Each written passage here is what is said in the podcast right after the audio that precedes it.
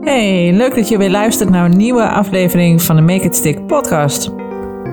Ik ben weer aangeschoven bij Marika, want we gaan verder met een nieuwe aflevering uit onze Help-serie.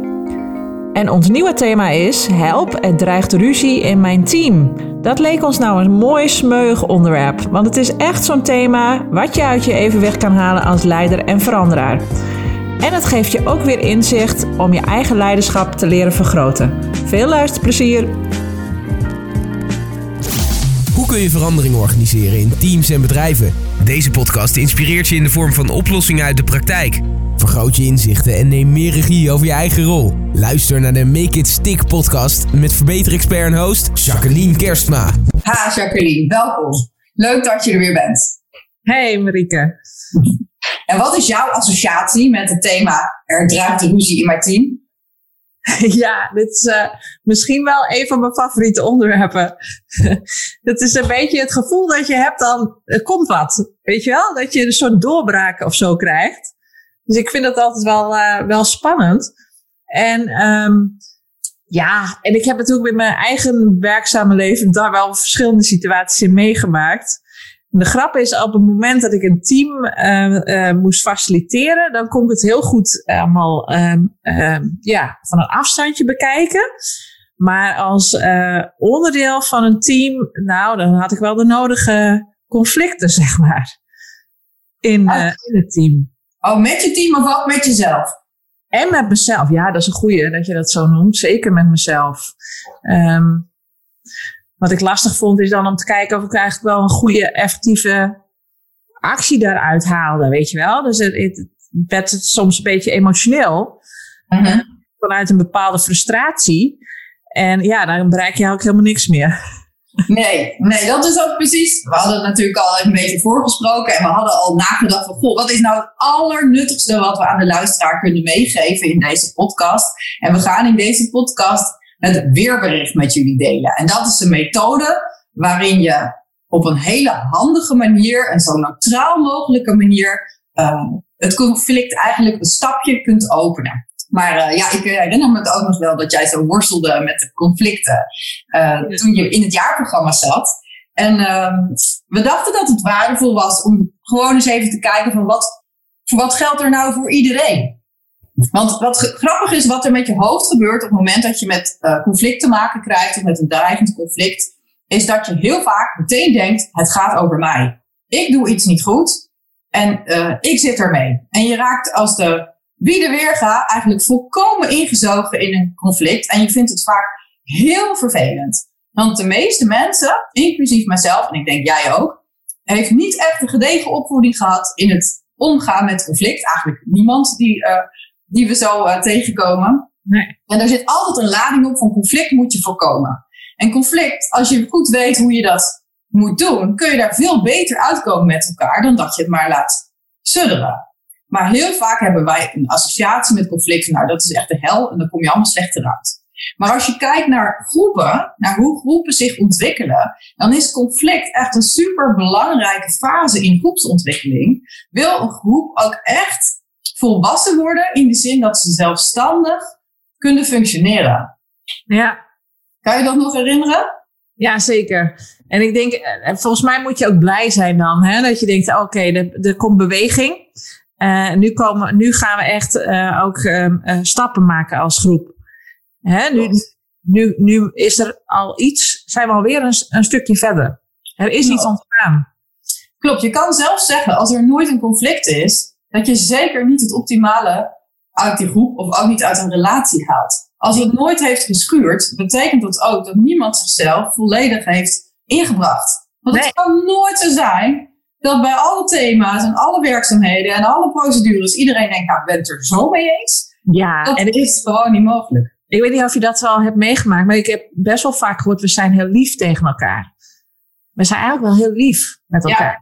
Ja, en denk ook wel eens, ja, dat is ook wel zo. Want och, ja, het moet allemaal wel leuk en aardig blijven, hè? Ja. ja, maar als je kijkt naar bijvoorbeeld die fases van groepsdynamica, waar we het de vorige keer ook over hebben gehad, dat is al super leerzaam om, te, om conflict eigenlijk te herkaderen als iets broodnodigs. Want we hebben het de vorige keer gehad over al die mensen die in hun eentje uh, bezig waren met hun eigen taakje. En daardoor altijd op hun eigen eiland leven hè, in hun groep. Ja. Nou, de enige manier om daarvan af te komen is door conflict. En we hebben het toen gehad over die groepsvakantie. En dat je dan, uh, nou, dat iedereen eigenlijk in zo'n bange fase binnenkomt. En denkt, goh, als ik begin met zo'n groep, komt mijn belang eigenlijk wel tot zijn recht in deze groep? Kan ik mijn ding wel doen? En daar zit iedereen eigenlijk een beetje over in. Nou, als je dan kijkt naar Tuckman, is dat precies dus die, die psycholoog die in een ver verleden die fases van groepsdynamica heeft uitgepuzzeld, dan is dat ook precies wat hij beschrijft. Hij beschrijft eerst een vormende fase, een beetje angstig iedereen, en dan kijken precies van, goh, wat is mijn plek hier op de apenrots? En daarna komt eigenlijk een nog vervelende fase, waarin er nog meer onrust is onderhuid. En dat heet de stormende fase. En in de stormende fase kom je er eigenlijk het is achter dat je van uh, mening verschilt over bepaalde thema's. En dat je dan daar of iets over moet zeggen en daar samen uit moet komen. En dan kom je dus door de storm. Of je houdt daar je mond en je gaat in je windslaap. Dat zijn eigenlijk de opties. Maar zoals Tukman het beschrijft, moet je er doorheen. Je moet samen fatsoenlijk leren ruzie maken. En dan kom je in die normende fase. Dus helaas, pindakaas. Het is een, uh, een weg die je te gaan hebt.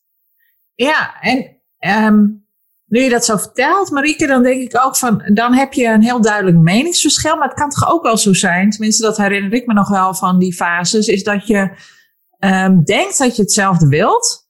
Ja. Um, hè, dus je spreekt ook uit dat je hetzelfde wilt, maar onderhuids is er dan iets, hoe we dat dan doen, daar zit dan een verschil. Alleen dat is op een ander niveau of zo. Dus het, dat je elkaar dan niet begrijpt in, ja, maar waarom doe jij dan dat, niet dat wat ik verwacht? Want dat hadden we toch afgesproken? En we willen toch hetzelfde?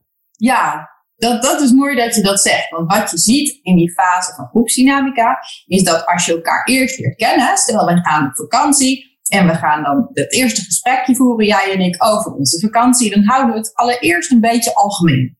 Dan zeg je, ja, ik hou van een actieve vakantie. En jij zegt dan, nou, ik wil ook in de zon liggen. Dus we houden het heel erg algemeen. En naarmate de tijd verstrijkt, wordt het meer precies. Het wordt precies wat ik bedoel met actieve vakantie en wat jij bedoelt met lekker in de zon liggen. En hoe meer concreet het wordt, hoe meer kans op meningsverschil. Of verschil van wensen en verlangens. En dus je denkt vaak van, oh, we hebben die doelstelling helemaal lekker afgetikt. Maar dan ben je op het niveau van, nou daar zijn we het nog eens gebleven, op een algemeen niveau. En dat heb ik ook heel veel gezien bij bijvoorbeeld bestuurlijke afspraken, waar iedereen het over eens is tot iemand moet betalen. Dan gebeurt het niet meer. Herkenbaar? ja. Ja. En als je dan kijkt, waar zijn ze nou precies over eens en wat betekent nou die afspraak, dan is het super abstract. Kun je niet meer oneens zijn we gaan dit of dat verbeteren. De kwaliteit van zus of zo verbeteren. Iedereen vindt het een top idee. Maar als we dan zeggen, we gaan het precies zo doen en jij moet een miljoen betalen om dat voor elkaar te krijgen, daar zit het conflict. Daar zit het conflict, ja. ja, daar stinken we heel vaak in. Dat is natuurlijk ook met relaties, hè? gewoon in vriendschappen en man-vrouw relaties of überhaupt liefdesrelaties. In het begin ben je het super eens en zit je nog op algemeenheden. Tot je precies hebt, maar ja, wat bedoel je dan met loyaliteit of zo. En dan denk je, oh shit, dat is wat anders. Ja. Dus het is net alsof de waterspiegel uh, daalt. In het begin is de waterspiegel nog lekker hoog, zijn we het mooi eens, we zien alleen de algemeenheden. En dan gaan we steeds bewuster worden in ons groepje over wie wat precies bedoelt en hoe, wie precies hoe samenwerkt. En hoe meer dat bewust wordt, hoe meer je de verschillen ziet. Ja, maar dan hebben de paarden weer geen last van, hè? Die paarden, nee. Nou, maar die zijn er ook veel uh, sneller mee, hè? Want wij hebben niet zo uh, gevaar dat we worden opgefroten als onze groep niet in elkaar uh, niet prettig functioneert. Maar, maar dieren, zoogdieren, paarden, die moeten echt snel door die stormende fase om de veiligheid in de groep te hebben, zodat je met elkaar kan vluchten. Ja. Ja. En je ziet wel, ik kan er ook echt met jaloezie naar kijken, hoe snel ze door het conflict heen knallen. En dat gaat echt met knallen, inderdaad. Dat is echt, ik baat jou en jij stopt mij. En dan weet, je, weet ik dat jij hoger bent dan ik. En That's it. that's it. Ja, maar ze moeten eigenlijk even hun krachten laten zien. En hun wens. Ja, ik wil wel hoger zijn dan jij. Ik wil hier de baas zijn van die groep. Nou, dan is het even bruut geweld. En dan schikken ze zich. En dan, het lijkt vaak dat als het eenmaal geschikt is, dat het klaar is. Ja, Dan heb je wel eens persoonlijkheden die dan heel erg eh, nou, botsen in hun verlangens, namelijk allebei kuddeleider te zijn. Ja, dan blijft het conflict vaak terugkomen. Maar we leren er wel veel van. Want wat we leren is de moed die zij hebben hun plek in te nemen. zeker. Ja. Ah, ik weet niet hoe dat bij jou zit. Met je, als je voor een conflict staat. Nee, dan word je onzeker. Ja, Dan denk je, hè, wat heb ik nu, hè, oh, had ik dat nou wel moeten zeggen? Of, ach, nou ja, heb ik nu iets op het spel gezet? Is mijn relatie nu eh, breekbaarder geworden met die persoon? Doordat Ja. ik zo uitgesproken ben geweest. ja, En wat ik eh, vind en wat ik zie. Eh, dat, ja, dan ga ja. Persoonlijk ben ik vaak heel snel met eh, ehm, ja, uitspreken wat, wat ik zie en wat ik vind en hoe ik erin zit. Ehm, en ja, achteraf denk ik er wel eens, oeh, dat, ja, misschien had ik het toch even wat anders moeten inkleden, zodat het iets effectiever was geweest. Had ik misschien wat minder, eh, ja, schade is wat een groot woord, weet je wel, maar je, je, je merkt dan wel, ja, dat er iets, misschien, de mensen zijn wel een beetje meer op hun hoede, die denken, oh, Ja. kom ja, weet je wel, pas op. En dat wil je ook niet. Nee, nee wat, wat wel eh, fijn is daarmee, om weer terug te gaan van nou, wat is algemeen eh, voor iedereen als je kijkt naar conflicten. Want dit is wat er allemaal onder water gebeurt met de meeste van ons. Maar je ziet vaak aan het gedrag van een groep dat we een conflict gaan naderen. En dat is fijn, want dan kun je je voorbereiden. Dus je ziet bijvoorbeeld van als we naar, van die verkennende fase waarin we over algemeenheden spreken en dat we zo eens zijn met die groepsvakantie en dat het allemaal in de groepsvakantie past, dan zie je aan een groep dat er opeens gewoon verschillen op tafel komen. Hè? En dat eh, wat je ook ziet is dat er een eh, weerstand komt tegen de taken. Dat iemand van lekker aan het werk bent en zegt, nou ik heb er geen zin meer in. Dus je ziet verschillende symptomen dat je het conflict aan het naderen bent. En soms ben je zelf zo ingezogen dat het fijn is dat je kunt kijken van wat zie ik qua groepsgedrag, wat zie ik hier nou gebeuren, objectief, eh, zodat ik weet wat ik als leider te doen heb om mijn groep hier doorheen te helpen. Nou, en je ziet dus ook dat er bijvoorbeeld subgroepjes ontstaan. Want als ik graag in de zon wil liggen of die actieve vakantie, whatever, dan ga ik met andere mensen babbelen die, waarvan ik denk, die willen dat ook. En zo zie je, als conflict gaat groeien, dat er subgroepjes of subkuddes, vind ik ook altijd leuk om te bedenken, in die groep uh, bestaan. Er komen kampjes in de groep.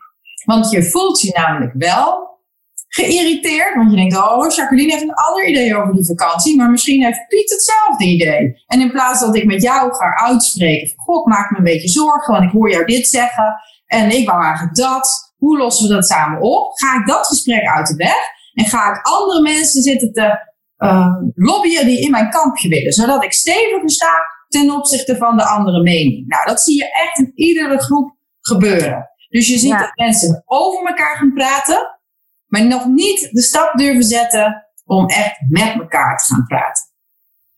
Ja, en uh, dat over elkaar praten, dat is dan. Zijn, zijn dat ook niet, is dat ook niet meer een uiting ook van kritiek? Hè? Dat je uh, dingen als, ja, zo is je nu eenmaal. Of uh, nou ja, in dit bedrijf is het altijd zo. Ja.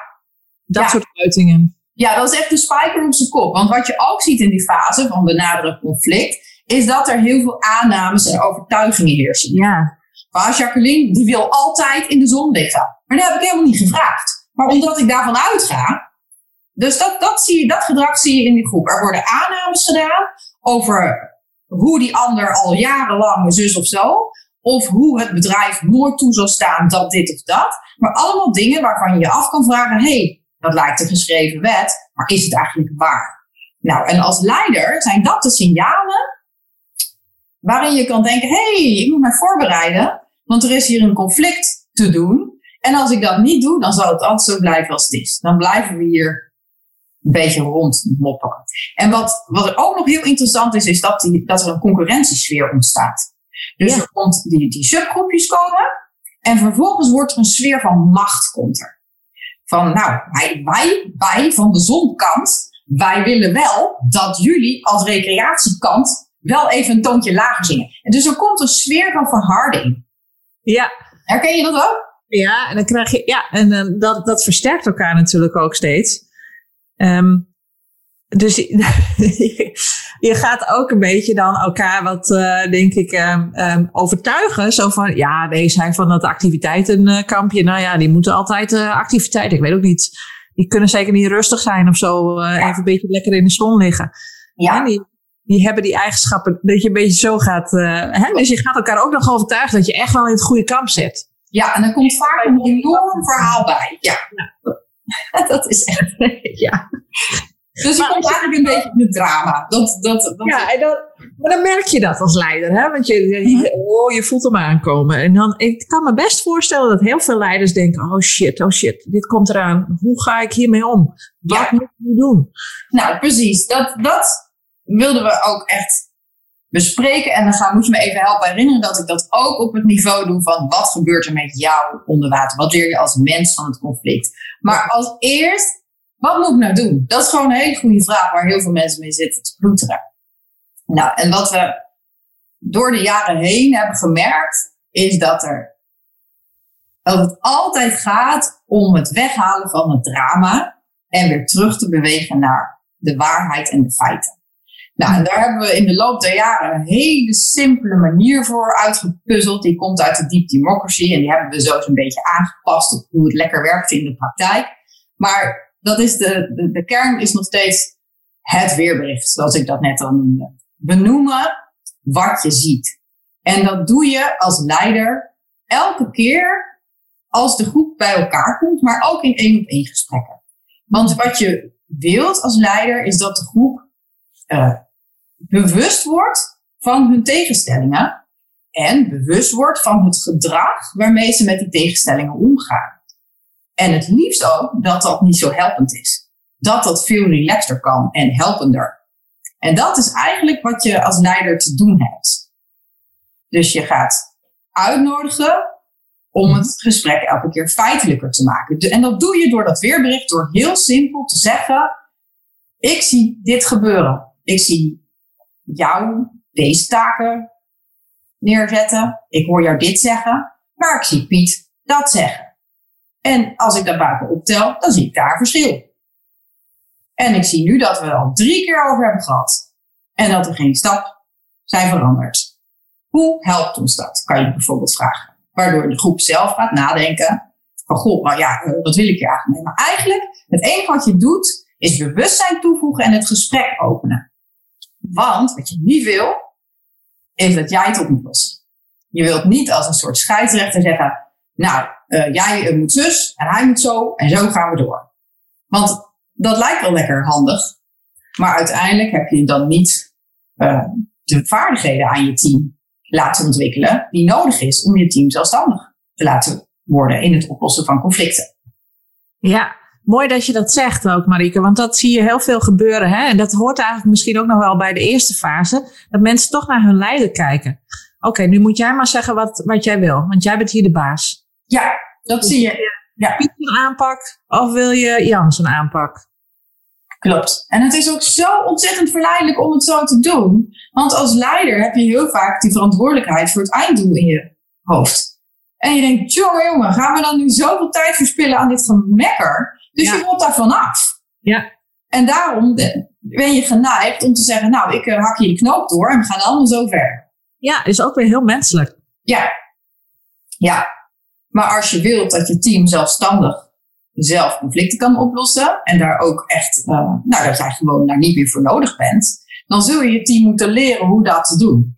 En heel vaak betekent dat dat je het zelf ook nog moet leren, maar hoe dan ook, die weg aan te gaan. Ja, ik denk uh, precies. Het eerste bewust worden is al een, uh, hè, een stap. Mm -hmm. Oh ja, ik, het gebeurt weer. Mm -hmm. Ik wil het nu oplossen. Hè. Ik ga nu een ja. oplossing bieden of ik ga een keuze maken of ik ga kiezen. Ja. En, um, um, en dan uh, schakelen.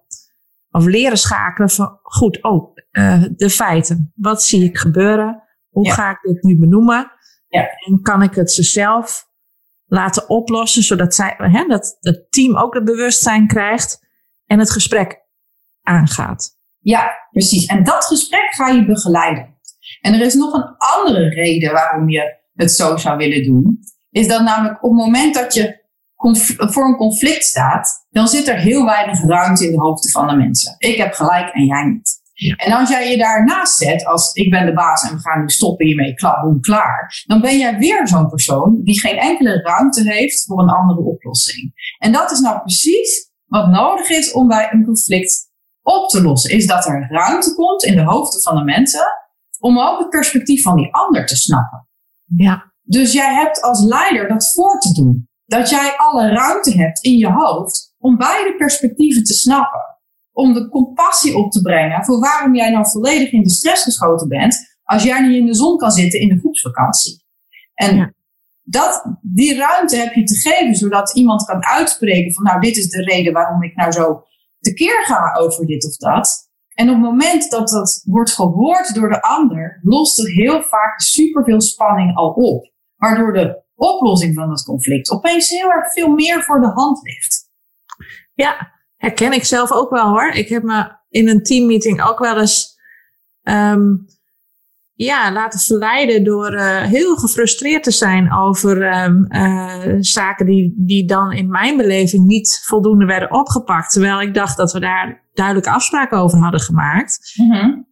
En, um, en pas op het moment dat ik daar uh, echt even de diepte in ging en ook mijn emoties liet zien op het vlak van um, wat ik eigenlijk wilde bereiken hiermee, wat mijn intenties waren en waarom ik daar dan zo gefrustreerd door raakte. Toen pas werden, merkte ik ook, er werden mensen echt stil. Van jeetje, weet je, dat hadden we helemaal niet zo door. Of dat was niet, eigenlijk, ja, dat is, is nooit de bedoeling geweest om jou zo van streek te maken daarover. Weet je wel? Dat, Ja. dat, maar het was pure, pure emotie en frustratie wat er dan uitkomt, wat je dan, ja, wat je eigenlijk met elkaar eh, moet, moet ehm, uitvinden en het gesprek over durft aan te gaan. Maar de- ik denk ook dat het belangrijk is dat één, het ijs breekt. Hè? Dus in dit geval heb ik me heel kwetsbaar opgesteld, Ja. vond ik wel, wel eng. Maar het was er ook zo uit. En toen was het ook goed. Ja, maar daar heb je onbewust of bewust, ik denk bijna onbewust, iets gedaan wat heel eh, waardevol is. Want je hebt namelijk jezelf de ruimte gegeven te uiten wat je ervan voelt. En je hebt ze niet aangevallen. Want anders waren ze wel teruggekomen met een klap op jouw kop. Dus Ja. je hebt daar iets heel goeds gedaan voor de groep. Je hebt gezegd, ik, Jacqueline, neem de ruimte om mij uit te spreken. En ik ben heel emotioneel en teleurgesteld en gefrustreerd omdat het niet gaat. Maar je hebt dat op zo'n manier gedaan dat zij het hebben kunnen horen.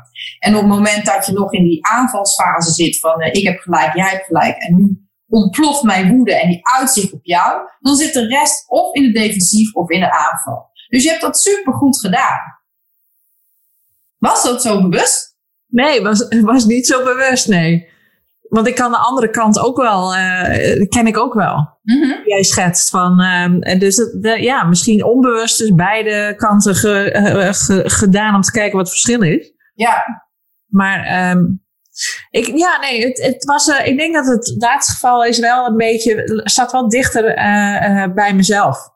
Het, Ja. Ehm, ja, dat gevoel van, oké, je kunt dat wel gewoon zeggen en dit is zoals het is. Ja, en als je, eh, als je zo'n teamlid niet handig vindt, dan moet je het ook zeggen, weet je wel. Want dan hoor Ja. ik misschien niet in deze kudde, om het zo maar te zeggen. nee, en daar heb je echt de spijker op zijn kop. Misschien hoort het niet in deze kudde, zeg jij. En wat ons eigenlijk zo verblindt in het aangaan van een ruzie of conflict, is de angst voor afwijzing.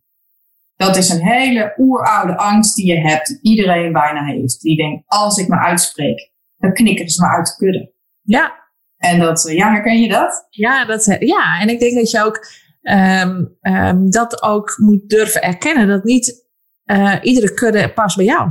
Je- Nee. Dat je ook durft te zeggen, oh, dit is misschien helemaal niet mijn kudde. Misschien moet ik een andere kudde zoeken.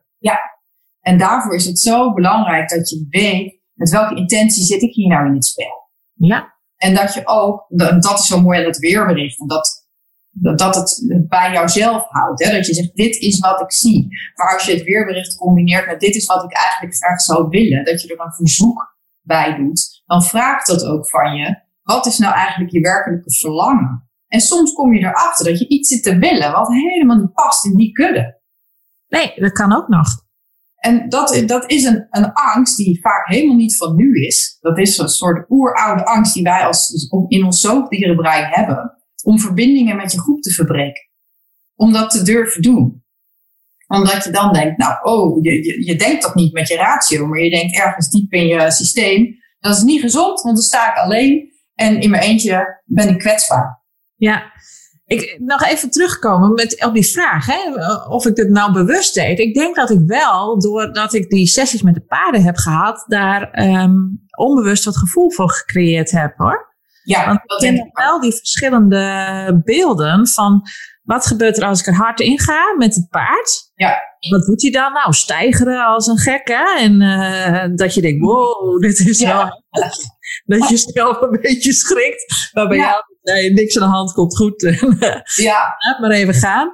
En, uh, en de andere beweging, de tegenbeweging, echt um, uh, dat je, um, um, ja, je, het zacht kijken met brede ogen. Ja, ja, dat is wel mooi dat je het zegt. Ja. Waardoor het paard stilvalt en reageert op jouw energie. En, de, en, en, daar heb ik natuurlijk wel mee kunnen oefenen. En dat is denk ja. ik wat heel erg helpt bij dit soort processen. Klopt, want het is misschien fijn voor de luisteraars, want die horen nu het paard en denken, jeetje, wat gebeurt er allemaal? Maar om te zeggen wat, wat we daar dan doen, want het, veel, het was een klein hokje van het paard, maar, maar voor Jacqueline was het een huge actie. Maar dat is juist zo mooi van paarden. En wat, waar het om gaat, is dat het paard laat zien en dat zou net zo goed met een kleuter of met een hondje kunnen. Maar die laat zien of jij in die aanvallende energie zit. Waarin je eigenlijk een verwijt zegt. Hè, van nee, ik wil dat jij. Dat, dat, die, dat je toch niet neutraal bent, maar echt gefrustreerd en dat naar buiten uit. Daar reageert het dier op. En die doet precies hetzelfde terug. Die denkt, als jij me aanvalt, nou, dan kan ik terug verwachten. Dus die geeft een enorme blok of whatever. Die laat echt in een fractie van een seconde de lading van jouw energie zien. En we hebben dus geleerd van als je met een conflict uh, die energie bij jezelf houdt. En daarmee bedoelen we, want jij noemt die zachte ogen, dat je de space houdt voor het conflict. Dus jij als leider blijft neutraal. En je, je weet jezelf te managen en te reguleren. Dat je niet elke keer met je emoties op alle kanten meevliegt. Dus je houdt zeg maar het speelveld op voor de deelnemers om in een veilige manier, op een veilige manier, dat conflict te uiten. En je durft daarbij ook zelf te zeggen, ik zie dat dit speelt, deze feiten zie ik. Dit is wat het doet met mij. En dit is wat ik dolgraag zou willen. Dan leg je zeg maar de vloer open waar anderen neutraal kunnen instappen. En dat verschil ziet het paard enorm in die houding. Als je vanuit die open houding binnenkomt, dan is het paard gericht op jou en die staat helemaal op samenwerken ingesteld. Maar als je maar met een vleugje van je hersens denkt, nou, maar ik ga zo toch mijn zin doordrijven, dan ben je er wat af. Dat heeft hij door. Ja, precies. Ja. En dat oefenen is echt heel waardevol. Want je denkt vaak, ik ben zo super neutraal en volwassen en professioneel. Maar je hebt stiekem ja. een agenda. Ken je dat? Ja, want dat was ook die confrontatie steeds. Dat je denkt, ah, maar dat ga ik wel even regelen dat dat paard uh, ja. een rondje loopt. Hè? Want uh, ik ben in balans. Nou, mooi niet. Nee, en dat te leren is voor een leider zo essentieel. Dat je gewoon durft te erkennen waar je uit balans bent, waar je ongeduld ervaart, waar je irritatie ervaart, waar je zelf twijfelt over jezelf. Op het moment dat dat er allemaal mag zijn, het hoeft helemaal niet opgelost, maar je, je durft het gewoon er te laten zijn, dan vindt dat paard jou prima om mee samen te werken. En op het moment dat je een beetje van die ja, lading in de uh, interactie doet, dan krijg je terug. In, in, in vaak een soort weerstand van een paard. Ja, mooi hè? Ja, fantastisch. Ja. Hey, en wat, wat is nou het nut eigenlijk van de dreiging um, in een team? Het dreigen van de ruzie? Ja, ik, ik denk op onbewust niveau, de dreiging is, we moeten wel als groepje bij elkaar blijven. Maar wat je ziet, het, het nut uh, om het uit te spelen, is dat je leert de verschillen te benutten. Dus dat als je gewoon boven water kijkt wat het nut is, waarom je als leider die groep door dat conflict wil begeleiden, is omdat je wil dat iedereen zijn kennis, kunde en mening zo neerlegt in de groep en dat het zo zinvol is om dat gesprek over die verschillen te voeren, dat je daarna weet hoe je beter verder kan. En dat is het nut. Dat, dat je het conflict benut om samen beter samen te werken. Ja. En dat vond ik heel mooi aan die Deep Democracy methode. Dat is voor de geïnteresseerden echt de moeite waard om je daar eens over in te lezen. Is dat zij er heel erg van uitgaan dat degene die hun mond houdt, die hun mond houden, dat daar wijsheid zit. De wijsheid van de minderheid. En dat heb je te doen als leider. De wijsheid van alle leden van de groep een even grote plek te geven. En die wijsheid is soms heel erg verschillend. Maar daar vervolgens als groep weer één geheel van te maken, er samen over eens te zijn van alles gehoord hebbende. Is dit onze keuze? En ja, zo kunnen we er samen allemaal mee leven. Zo maak je een groep beter. Zo maak je een product beter. Zo maak je de samenwerking beter. Een relatie beter. Dat is En dat kun je ook benoemen, hè? Ja. Ja. Dat je graag wilt dat het beter wordt. En dat je daarom dit even nodig hebt. En dat het misschien niet altijd even leuk is. En dat je, het, dat je ook geconfronteerd wordt met je eigen kwetsbaarheid. Maar dat het er wel toe bijdraagt dat het ja. Uh, nou ja, dat je als team ook uh, je ontwikkelt. Klopt. Misschien wel hechter wordt.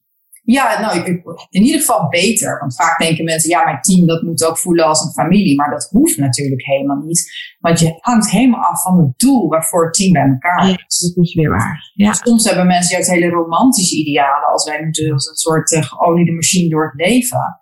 Maar soms is een team veel beter af als we totaal verschillend zijn. En eigenlijk iedere dag een beetje zitten te botsen en te schuren. Maar zo wel een eindresultaat hebben wat fantastisch is. Dus dat, dat, uh, ja, het hoeft niet per se gezellig te zijn. Het moet effectief zijn om het doel te halen waarvoor de groep aan elkaar is.